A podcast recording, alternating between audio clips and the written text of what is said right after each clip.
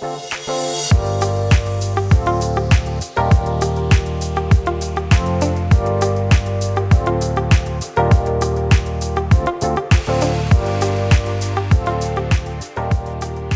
till ett nytt avsnitt av Högräntepodden.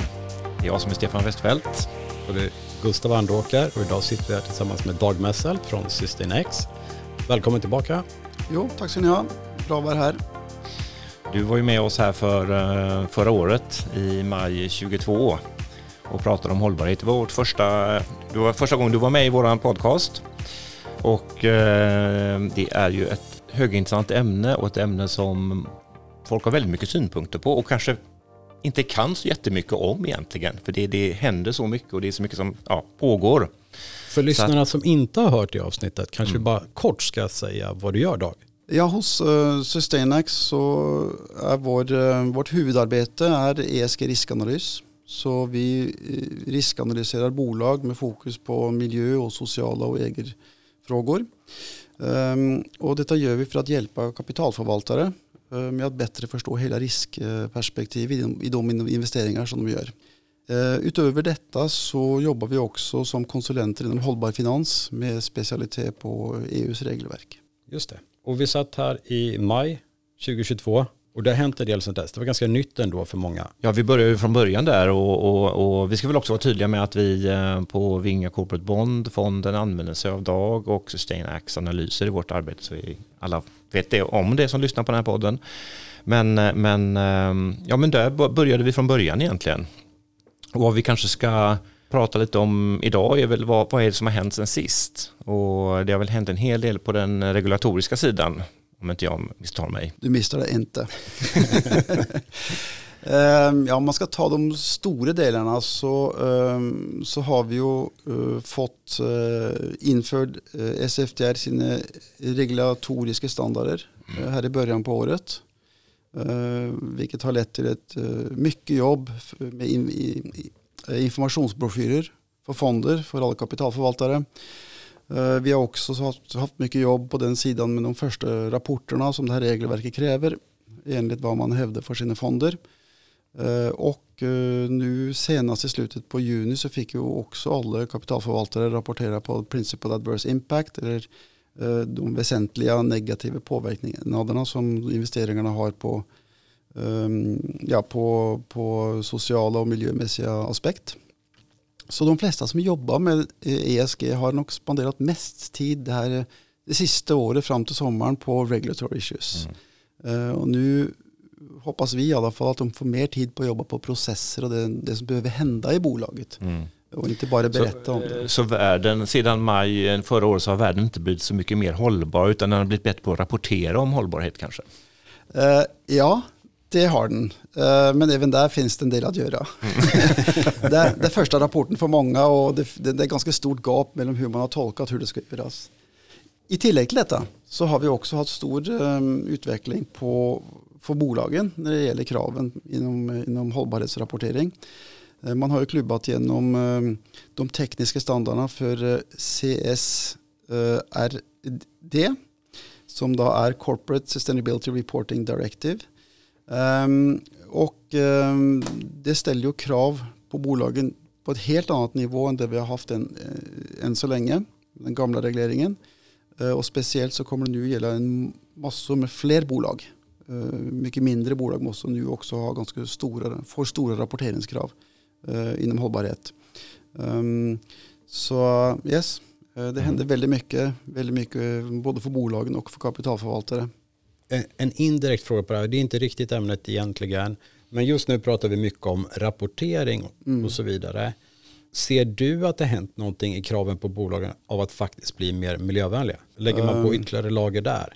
För det är ändå målet egentligen för EU, att vi ska nå miljömålen 2050. Ja. Säger jag rätt va? Ja, så du kan ju säga att, det, att nu måste ju bolagen uh, lägga fram KPIs, alltså rapportera på det, lägga fram fakta som man kan jämföra bolagen. Så investerare kan göra bättre val så att säga. Men uh, det ställer ju egentligen ingen direkta krav på att de ska bli mer miljövänliga Nej. eller mer bättre för social conditions. Uh, så frågan är ju vad kapitalen vill. Men har man kapital som har mandat att investera till bättre miljö, bättre sociala conditions mm. så är det ingen tvekan om att eh, det borde bli enklare i alla fall när vi får mer transparens på det här området. Tycker du att man har greppat dem för mycket när man, när man, när man både, när ESG, det är både E och S och G, alltså det är både miljö och de sociala dimensionerna och governance-situationerna som i bolag som man ska rapportera på och bli bättre inom.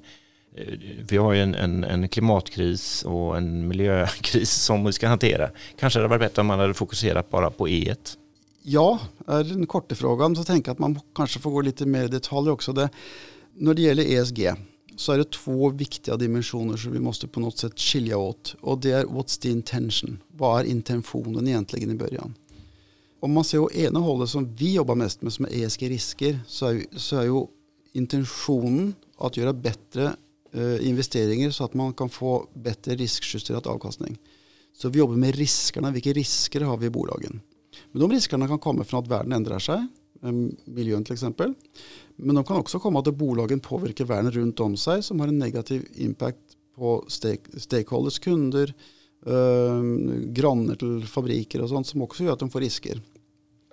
Det är, den, det är den ena delen och där måste vi ju fokusera på alla risker. För vi, om vi bara skulle göra ett urval till våra kunder så, så blir det ett problem. Då gör vi ju inte vårt jobb riktigt. Så där, där har vi ett fast sätt och allt måste ingå. Däremot uh, om man ska se på uh, en helt annan intention, vilket är att lösa världens problem, så kan man ju kanske tänka lite som du säger här också att uh, om det brinner någonstans så kanske man ska börja med att släcka bränderna. Mm uh, innan, innan, man ska försöka göra allt samtidigt. Mm. Så, så jag kan se, den tanken kan jag följa absolut. Mm. G har jag lite svårt för själv att se att, att det är en ny grej egentligen. För har du inte förtroende för bolagets ledning och så vidare så även 10 år eller 15 eller 20 år innan vi börjar diskutera som ett ES och G. Har du inte förtroende för, för bolagets ledning så är du inte där. Nej. Du kommer aldrig investera. Så den tycker jag kan nästan flyttas ut lite. Min personliga åsikt. Ja, du kan säga så här att det är ju ingenting nytt, jag är helt enig. Eh, det har man gjort i så kallt nästan alla år, ja. Eh, med mindre man har varit med väldigt länge i kapitalförvaltning innan man, tittade, innan man jobbade med risker på den sidan. Eh, varför har man valt att ta det in i ESG, ESG riskanalys, eller hela området egentligen? Det handlar någonting om att när vi ser på G1 så finns det på något sätt två dimensioner. Det ena är det, the good old corporate governance som egentligen är ägarstyrningen och hur den är strukturerat. Men inom det här området så har vi också det, eh, en annan del av governance som handlar om riktlinjer, uh, till exempel internt i bolaget, eh, hur man säkerställer att det här är någonting som alla förstår, som, som säkrar upp att de anställda har gett alla verktyg av att göra rätt val riskmässigt hela tiden till exempel. Så på något sätt så har den, har den breddat sig ut lite Eh, kanske marginellt, marginellt, du får ursäkta mig men jag tycker det. Ja, kan, kan man tycka. Eh, fair enough, eh, men lite bredare. Eh, och så kan man titta på en dimension till som är det här med governance eller styrningen av allt som har med E och S-risk eh, och topics att göra. Det är sant förstås. Det är styrelsens uppdrag och, och ledningsuppdrag att fullfölja E-satsningen e på, på miljön och och absolut, och där finns det ju ett jättejobb att göra. Jag skulle säga att den genomsnittliga styrelsen är ju helt borta på, på de här riskerna. Mm. Det kanske känns lite tufft att säga så, men jag tror det är väldigt ja. nära sanningen. När man tittar då, vi tar ett exempel, SKF här. När SKF ska då rapportera på sin, sitt koldioxidutsläpp till exempel. Det, det, det, kanske de får grepp om efter en stund när man har tittat igenom alla fabrikerna. Så. Men sen så köper de ju insatsvaror kanske då från andra. Ska de rapportera den, den, det koldioxidutsläppen från de underleverantörerna också har i sina KPIs eller hur funkar det? Absolut. Ehm, man ska, I skåp 3 så ska man också ta in alltså råvaror, eh, sitt avtryck till exempel. Eh, och där är vi jättekrävande eh, att ha koll på. Men jag vet att till exempel råvarutraders eller handlare gör ju också ett jobb där för att förstå avtrycket. För de är ju leverantörer till underleverantören. Mm. Så underleverantören sätter press på traders, fast de köper ifrån. Så alla försöker putta det jobbet på någon annan. Enklast. Mm. ja. men, men eh, det händer redan eh, mycket här. Och det är väl en stor utfordring vi har just nu när man kommer till just den här delen av eh, greenhouse gas emissions som ligger på utsidan av bolagets egna direkta aktivitet. eh, hur man ska mappa ut och få förståelse och att man ska göra det på samma sätt. Så man kan jämföra mellan bolag också. Och så det här med finans. Det, jag, jag hade en kund eh, häromdagen som sa att eh, ja, men, eh, när det gäller finans till exempel, där finns väl inga hållbarhetsrisker. Det är ju bara skärmar och man sitter och pratar och lånar ut lite pengar. Det, det, det kostar väl inte på miljön någonting?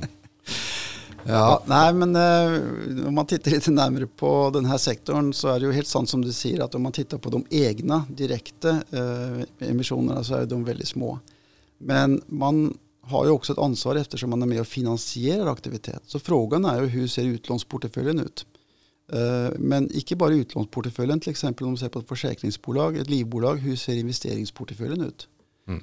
Uh, och um, då är man ju med och finansierar en god del, och inte bara växtgasutsläpp, men uh, också massa annat, till exempel i, i byggnationssektorn så vet vi att det finns ju ett system tyvärr med underleverantörer var man även här i Sverige har uh, alltså människor som jobbar på helt oacceptabla villkor. Just mm.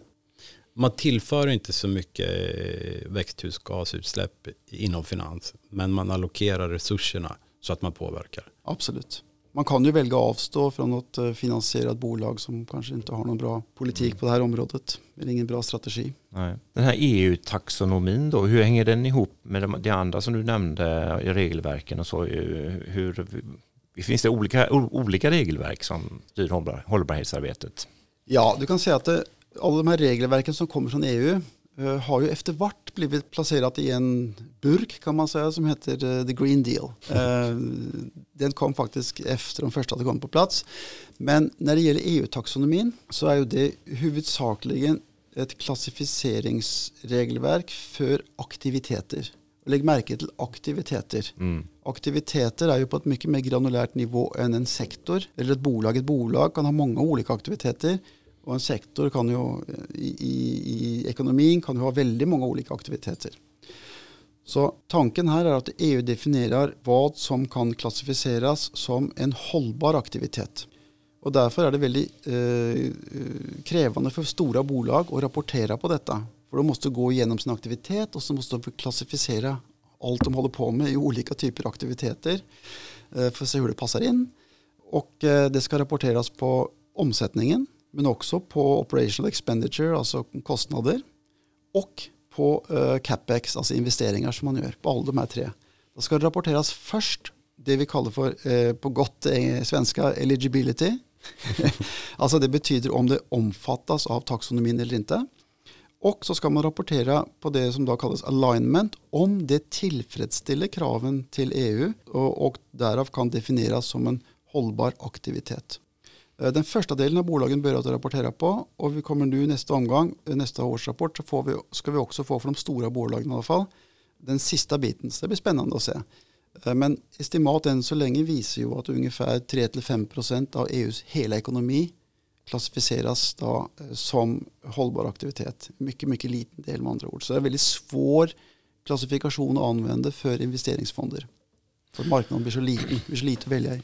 Så, så de här impactfonderna, de måste gå på de här 3-5 procenten? Nu är det så, det här har varit en jättedebatt, vad är en hållbar investering? Mm. Uh, eh, SFTR uh, eh, har ju definierat en hållbar investering som någonting som bidrar till ett uh, miljömässigt eller socialt mål kan man säga.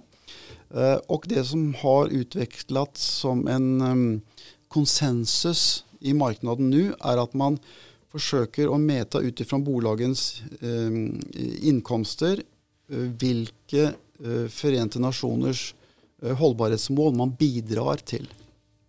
Eh, det här är ju ingen science. Eh, här man mycket data som man använder för att försöka att klura ut det här. Men det gör att man, marknaden då blir mycket, mycket större än bara om man tittar på EU-taxonomin. Mm. Skulle du använda EU-taxonomin och ställa hårda krav så skulle man egentligen bara ända upp med small cap och micro cap fonder. Varför det? Uh, om du ser på stora bolag så kan de ha en del av sin aktivitet som definieras som en hållbar aktivitet i EU-taxonomin. Mm. De stora bolagen har så mycket annat som inte kommer att kvalificera. Så det blir väldigt små siffror för varje bolag. Det måste alltså vara riktat om man säger så aktiviteter mot det för att om du ska ha en hög andel av din aktivitet som är det så måste man på något sätt vara specialiserade bolag. Eh, det finns ju två, det fler dimensioner här också. Det har bolagen som har en aktivitet som direkt uh, anses som uh, hållbar efter EU-taxonomin. Men så har du också bolag som är det vi kallar för enablers som gör att andra bolag kan uppnå att hamna där som en hållbar aktivitet enligt EU-taxonomin. Men det, men det är jättesvårt för kapitalförvaltare idag. Eh, de måste på något sätt själv definiera eh, vad som är en hållbar investering. Lite guidelines från EU men inte så mycket som man gärna skulle vilja haft. De flesta fonderna har ju gått och lagt sig här nu som ljusgröna fonder, i artikel 8-fonder. Eh, och, och, ganska många som kanske tyckte de var nio fonder för ett, ett, två år sedan har ju då gått ner och lagt sig på åtta istället. Eh, men det finns några stycken men de har blivit väldigt få. Hur kommer det här se ut om ett år, två år tror du? Det blir på något sätt två tankar där. Det ena är hur man ska resonera utifrån dagens SFTR-reglering. Var de här artiklarna som du refererar, refererar till finns, artikel 8 artikel 9. Det ändringsförslag som nu har kommit från EU-kommissionen stöper ju om där fullständigt. Så de här artiklarna ska ju helt försvinna alltså. Om man börjar dela upp produkter på ett annorlunda sätt. Okay. Um, ehm, så liksom, um, vad ska man ta utgångspunkt Vi vet ju egentligen vad som kommer men du kan säga, jag tänker så här. Det som EU-kommissionen har sagt än så länge så verkar det vara väldigt svårt att ha en fond som är 100% hållbara investeringar. Uh, och då ser man bort ifrån uh, kassa, alltså likviditet i fonden och derivat för hedging purposes, eller som ska användas för hedging till exempel. Det är väldigt, väldigt utfordrande uh, med dagens reglering i alla fall. Och det är därför vi har sett så många som har gått bort ifrån det också. Mm. Och så får jag bara precisera en sak. Då. Jag tycker generellt att man ska, som EU har varit lite precis om också, att vi hellre omtalar det som fonder reglerat av artikel 8 än artikel 8-fonder. Uh, och det här med ljusgröna och mörkgröna fonder är också en, är, det är för så vidt ESMA sin fel. De skrev ett eget dokument. De bommade lite sådär. Så EU har klarifierat här nu att, eh, och det är väldigt viktigt, detta är inte ett klassificeringsregelverk. Um, så, mm. så det är fonden själv som väljer att rapportera inom ett visst, en, en viss artikel? Här, eh, jag, ska, jag ska vända på det. Jag ska säga så här. Det här regelverket säger som här if, eh, om du hävdar det ena och det andra så, så, så gör det att du måste rapportera enligt den eller den artikeln. Så om du säger okay. att ja, men okay. vårt fond eh, vi eh, främjar eh, en del miljömässiga och sociala karaktäristiker. Här är en del av artikel 8-definitionen. Då säger den här regleringen, SFTR, att ja, men då ska du regleras efter artikel 8 när det gäller rapportering. Du måste ha det, vissa element i din um, i, din um, informationsbroschyr. Uh, du måste rapportera uh, vissa element i, ditt, i, ditt, i, din årsredovisning för fonden etc. etc. Så det är egentligen åt andra hållet. Men mm. EU har ju förstått att det är väldigt svårt att vända på det här sättet och använda det på. Det är som mm. att vända Titanic sista sekunden, det går inte. Mm. Så det är väl, och det har ju antagligen en av grunderna till att de också vill stöpa om alltihopa nu. De ser det här behov också ha någon reglering som kan användas som klassificering. Mm. Det måste vara tydligare och enklare anser jag. ja. ja. men det är, det är oerhört svårt att veta. Som du säger, man har insett själv att man har gjort lite fel när man skrev vissa grejer. Så ja. det, det, det, gör det svårt. Alltså, jag har fortfarande ja. svårt att se en artikel 9 där vi bara satsar på det som skulle vara hållbart utifrån dagens mått. Men hur är det att investera i ett, i ett oljebolag som försöker göra sin produktion mer miljövänlig eller med mindre risker. Ja, det är smutsigt. Ja, men är det smutsigt? Det är där vi kan göra den stora skillnaden. Vi vet att energi, transporter och nu tappar det, eh, byggnation mm. är de tre värsta för koldioxidutsläpp, åtminstone i Europa. Jag tror det står för 60-80% av koldioxidutsläppen. Ja. Eh, där kan man göra stor skillnad. Skulle SSAB förändra lite i, sina, eh, i sin tillverkning av stål liksom, eller produktion så, så, skulle man göra väldigt stor skillnad för, för svenskt koldioxidutsläpp. Mm. Vi har ju väldigt bra transporter i, i Sverige. Dels för att de elbilar som, som går på el går på ren el kontra om du bygger, eh, har en elbil i Polen. Då är det typ sämre än att köra på, på bensin. Ja, vi kan så, diskutera det också. Ja, det är, det är stökiga grejer. Jag tycker det är svårt. Det är oerhört svårt ja. att veta vart man gör störst skillnad och vad som är bra egentligen för miljön. Ja, det är det som är grunden till, till hela ESG-diskussionen. Ja, verkligen. Eh, och när man börjar resonera på value chains, inte bara ja. bolaget separat eller en aktivitet separat och se på hela value chain, det är som ja. elbilar, om du tar in produktionen, ja. mm. eh, så, så, är det, så är det en helt annan kalkylen när man bara ser på användningen. Och när man ser på användningen också, en liten detalj där, så tänker vi gärna i Norden, att vi, vi har ren el. Men det finns ett, en europeisk marknad som vi är en del av. Ja. Där finns det uh, urs, ursprungsgarantier. Och köper man inte ursprungsgarantier i sitt hemma elkontrakt och laddar bilen där så kör man på europeisk mix. Mm. Uh, och det var i 2021 405 gram eh, karbondioxid per kilowattimme. Och i 2022 så hoppade den upp till över 500 gram per kilowattimme. Uh, utan att ha gått i detalj så gissar jag det att vi använder väldigt mycket tyskt kolgenererat el. Just det. Tra tragiskt. Någonting att tänka på. Mm. Nej men det är ändå, jag tänker just att eh, om vi skulle ta svensk produktion ändå, bara isolerat i Sverige, så har vi det en, en bättre produktion i Sverige av energi, elkraft. Absolut. Eh, kontra, kontra framförallt Polen, för jag tror de är sämst i Europa. Ja, det används det väldigt mycket kol. Mm. Detta är en svår eh, materia för många och investerare känner sig vilsna. Och eh, jag tror även större, större pensionsfonder och sånt också inte har helt klart för sig hur, man, hur de ska agera här. Så det, det känns som vi är inne i en period där det är mycket rapportering, det är mycket sammanställning. Alla funderar, hur ska vi ta ställning till detta?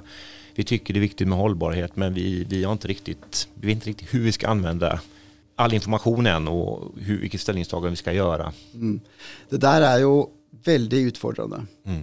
Nu har man på kapitalförvaltningssidan efterfrågat mer data, mer ESG-relaterad data. I första omgång för man hade krav på sig eh, från EU genom SFDR eh, att rapportera på det så man vill ha data från bolagen.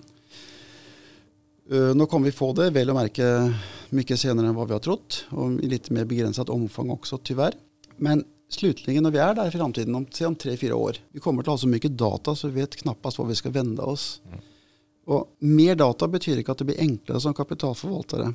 Man blir på något sätt ännu mer beroende av specialister som ska tolka datan. Som ska göra rätt urval och ta rätt slutsatser ifrån datan. För om, om ni som eh, kapitalförvaltare tittar på ett bolag som ni vill investera i och så tittar ni på hela eh, CSRD-rapporteringen och kanske ändrar upp med en 200-300 datapunkter.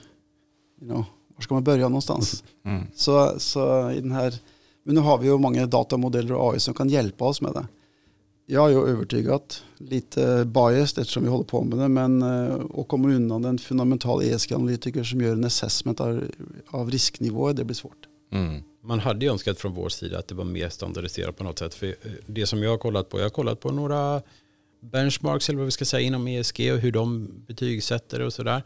Skulle vi ta vilket företag som helst, jag tänker inte ens namnge något, så kan man se att den ena leverantören av ESG-risk skårar 60, 40, 40 säger vi. Och så kollar du från en annan leverantör så får du 30, 60, 60. Mm. Så det är oerhört stora skillnader. Jag tänker om S&P och Moody skulle liksom rejta ett bolag med lika stora differenser inom kreditvärlden så hade det varit rätt stökigt. Så från mm. vår sida tycker vi, det, och på så sätt kan vi tycka att det är lite omogen del av branschen än så länge. Uh, ja, det finns ju två issues här.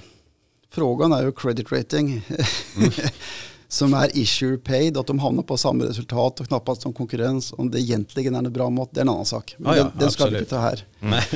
Nej, jag håller med och ja. det är stora skillnader för ja. Creative Metrics går att mäta. 50% är ju hårda, mm. hårda siffror höll jag på att säga, medan ja. det är 50% är mjuk lite mjukare värden i en, i en rating. Men, men ändå, och det gör att det blir lite svårare, det förstår jag. Men det är ändå väldigt stora om man säger, betyg som bolagen får. Absolut, och det är ju vårt mantra har varit i flera år nu. Ehm, det är ju relativt omoget. Ehm, och vi har, jag skulle säga att de flesta investerare idag när det gäller ESG eh, spenderar allt för mycket tid på ESG score. Mm. De tittar på den här siffran som på något sätt ska, eller den reflekterar en risknivå eh, enligt den leverantör man använder. Men om man ska förstå vilka risker det är så kommer man inget vart med siffran. Nej. Man måste titta i ESG-analysrapporten och förstå var finns riskerna. Och då är det så att om man har stor skillnad i riskbetygen kan man kalla det. Eh, tar man däremot två konkurrerande analytiker, leverantörer på ESG-sidan och tittar på deras underliggande dokument så kommer man att hitta mer likhet. Så skillnaden är ju egentligen bara hur man viktar varje mm. tema man ser på och hur man skårar det. Men när man ser på det fundamentala jobbet som en ESG riskanalytiker gör så är det absolut no rocket science. Jag kan gärna kursa någon om de vill och starta någon konkurrerande jobb, bolag, men det är krävande. Det kräver en del kunskap och det är mycket jobb. Mm. Så och jag, jag tycker lite, ja, trist, jag vet inte om det är rätt ord, men jag ser väldigt mycket akademia. Många på universitet tycker det är väldigt roligt att köra statistiska analyser på ESG, scores och skillnader. Men de tillför absolut ingenting. De, liksom, de, de tittar på fel sak. Mm. Eh, de borde titta på vad som står i analyserna istället. Men egentligen så borde man skippa scoren då? Det är det vi säger. Ja, om jag skulle välja mellan att skippa, ja. Eh, skippa scoren eller analysen. Ja, att, ja, så, ja, men det är så jag tänker, att egentligen så borde man bara titta på punkterna och dokumentera någonting om det själv. Absolut, men man kan ju börja med att titta på scoren, titta på de som har sämst risk, eller störst risk. Det är som man ska ta, ta, ta i tag och börja med en portfölj. Men, eh, men det blir svårt då, som jag sa, om vi går tillbaka till det jag sa, att, mm. att samma bolag har fått 40 hos den ena leverantören och 60 hos den andra så ja. kan det vara tvärtom på nästa bolag. Ja. Vilket gör att då sållar jag bort fel bolag kanske från den ena leverantören. Ja men sålla inte bort baserat på en score. Nej men, jo, ja. men man är ändå så att jo, men vi har vissa mått som vi inte vill ha i portföljen. Ja, men det är klart. Eh, man kan ju ha thresholds. Så, så, mm. men, det, men det är också utfordrande. Mm. Uh, det är en fråga jag ställer också för mm. väldigt många har ju en sån strategi. Um, så jag tänker att man kanske skulle ha det Kanske man har någon score threshold som gör att man måste göra någonting men kanske inte nödvändigtvis på att man måste, måste sälja. Det kan ju vara att man ska gå i, kräva att man går in i analysen, har kontakt med bolaget till exempel och så man förstår riskerna. Men det är en sak när du har pappret kontra mm. att gå in i det. Att köpa det aktivt. Du har ett ja. aktivt beslut att gå in. Du vet att det är problem redan innan. Vill du ja. lägga på den risken i portföljen? Det är därför som du har vissa thresholds. Ja, enig. Mm. Vad skulle du vilja säga är vad är av E1 och S1 och G1 vilken, vilken av de tre dimensionerna tillför mest risk? Ja. Och då kommer vi in i, i väsentlighetsdiskussionen. uh, och det är den som är svårast för icke-specialister att ha koll på. Um, så uh, beroende av aktivitet så har man olika riskaspekt som har olika uh, betydning totala risk, riskbildet. Um, och så är det så att uh, för att kunna hantera detta, uh, som när vi gör ESG uh, riskmaterialitetsarbete, så klumpar vi ihop typiska aktiviteter i sektorer. Men till exempel inom finans så är miljörisken, den väger rätt så lite. Men inom fastigheter så väger den väldigt mycket. Så det beror ju väldigt på vilken typ av aktiviteter man har. Just det. Vad som är viktigt. En annan sak just när det gäller eh, väsentlighet för risker inom ESG så är det hela tiden en diskussion med investerare också för den här är inte konstant. Man är van med att väsentlighet inom de traditionella finansiella riskerna eller andra risker som bolagen pratar om i sin årsredovisning ligger, ligger rätt så stabilt. Men när det gäller väsentlighet och risker inom ESG så är det väldigt beroende på potentialet i en stakeholder reaction. Så om till exempel ett bolags kunder, eh, leverantörer, anställda ändrar fokus så ändrar det också eh, materialiteten för den sortens bolag eller i den sektorn de typiska är. Ett exempel på det. De sista två åren så har vi haft en, en väldigt ökat fokus på natur och biodiversitetsrisk. Så den risken har ökat för bolag. Mm, mm, mm. Man förstår med, det finns en del kunder som inte vill uh, köpa produkter från vissa bolag för att de har en förstörande effekt för biodiversitet eller natur. Uh, och som investerare så har man också börjat att förstå bättre, oj, i, inom matvaruvärdekedjan till exempel, matproducenter, alltså om biodiversitetsrisken ökar uh, så kanske man får problem att få tag i råvaror för att fortsätta sin business. Just det. Mm. Så den har ju definitivt ökat eh, de sista åren och det här, det här kommer ju att ändras. Sånt kan ju ändras hela tiden då, så det, det, var riskerna ligger någonstans det, det från tid till annan. Så det är ganska krävande när man jobbar med det här, man måste mm. ha koll på det här. Mm. Men, men om man tittar på bolag som faktiskt har råkat illa ut, de har hamnat snett i antingen, antingen E1 eller S1 eller G1. På, är det mest eh, på E-sidan som eh, där risker har realiserats? Får jag tänka mig om här alltså. Klart, vi analyserar ju den delen av marknaden som de stora globala leverantörerna inte eh, täcker. Så vi har ju en slags en typ selection bias i det vi ser. Vi mäter ju ofta vad bolagen har utsatts för av realiserade risker, ofta som controversies. Så när vi, när vi bedömer risker inom olika områden och någonting verkligen händer så kommer det in som en kontrovers. Men Tesla måste ha haft lite problem på S1 tänker jag. Det har varit Ja. lite mobbing och utfrysning och så vidare av anställda. Det har varit problem att få säga vad man tycker och tänker. Ja, jag sämre än som så tror jag var det rasism också faktiskt. Ja. Ja, där har vi en governance-problematik.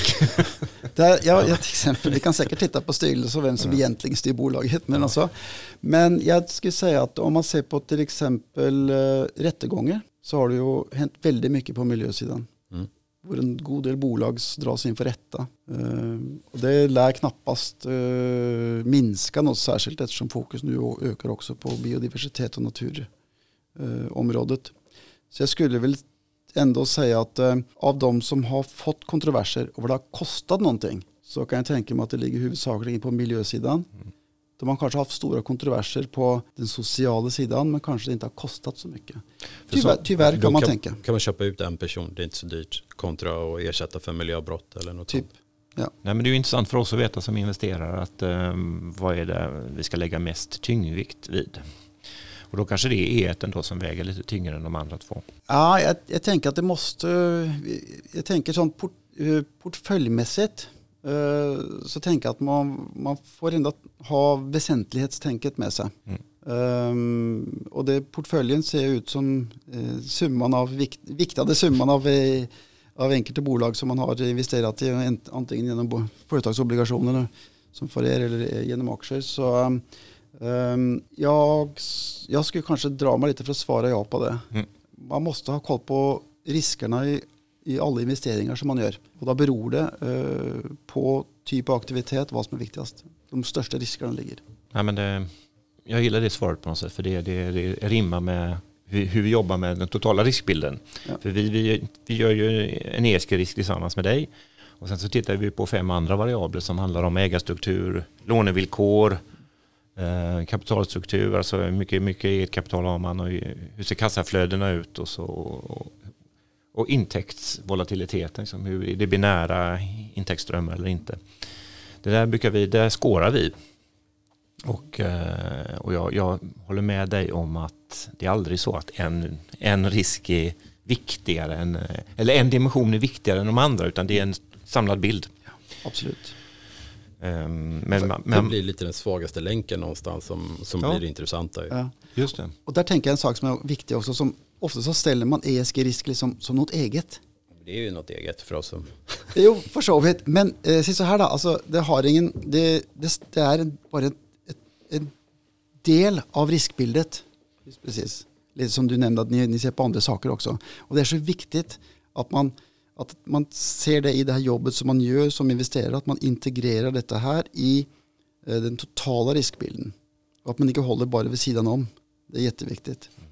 Jag tänker bara en liten precision också när vi pratar om ESG-risk här så pratar vi både risk och möjligheter. Det är som en skala som går från positivt till negativt. Just det, just det. Du, eh, svenska staten, vad får eh, svenska staten för ESG-score? Nej, men jag, tänker, jag, jag skämtar lite, men, men det är väl ändå så att och portföljer som innehåller statsobligationer, hur ratas de? Ja, de ratas ju utifrån ett helt annat eh, sätt med kriterier. Det här är ingenting som vi gör, men eh, de stora globala leverantörerna inom det här området gör ju det. Eh, Så då ser man ju på helt andra metric och helt, an- inte helt andra områden. Det är fortfarande ESG och lite typiska eh, underliggande grupper. Men eh, man tittar ju inte på det som är typiska sätt att mäta hur en corporation eller ett bolag gör, gör sina grejer på. Då kan man se på till exempel korruptionsnivå, Mm. utbildningsnivå eh, och sånt eh, som man inte tittar på på samma sätt i ett bolag. För du fokuserar på mindre, de mindre bolagen i Norden, det är ditt eh, huvudfokus. Ja, både och. Vi gör också stora bolag. Mm. Eh, och, de är, och de är privata Jaha, eh, okej. obligationssystem. Vi gör till exempel eh, Lantmännen gör vi. Ja. Ja, ja okej. Alltså den ja. sortens bolag gör vi. Mm. Stora bolag. Just det. Mm. Utilities är ju ibland icke, som till exempel Vattenfall är ju inte börsnoterade. Så det finns ju så många stora bolag som inte är börsnoterade. Ja, absolut. Så stora bolag som inte är börsnoterade och som då ingen av de andra stora globala leverantörerna täcker, det typiskt täcker vi. Men vi täcker bara det som våra kund, existerande kunder har i portföljen. Just det. Men du, det, det är väl, eh, nu, nu säger jag det här, det, är- du, att, att det är svårt för artikel 9-fonder, det vill säga då eh, impactfonder, att leverera lika god avkastning som de ljusgröna fonderna över tid. De har inte samma, sak, samma möjlighet att diversifiera sig på ett bra sätt. Och eh, ja, de kommer inte åt en lika stor del av marknaden. Eh, så, så eh, jag har svårt att se att det är kanske så att man får ge upp lite avkastning för, för att göra en impact då. För, för, för att vi ska nå en hållbar, hållbar planet. Ja, här, här blir det ju skillnad på hur man tänker ex ante och ex post. Alltså den teoretiska vinklingen är ju argumentet du framför helt rätt. Eh, men man kan också tänka ett exempel var det kanske inte skulle bli på det sättet i alla fall. Till exempel om du har en, en fond som bara, nu gör jag sådana hermetecken med fingrarna här, eh, investerar i, i hållbara aktiviteter som kanske något teknikbolag som uh, har uh, någon patent på en jättebra lösning för att lösa framtida miljöproblem.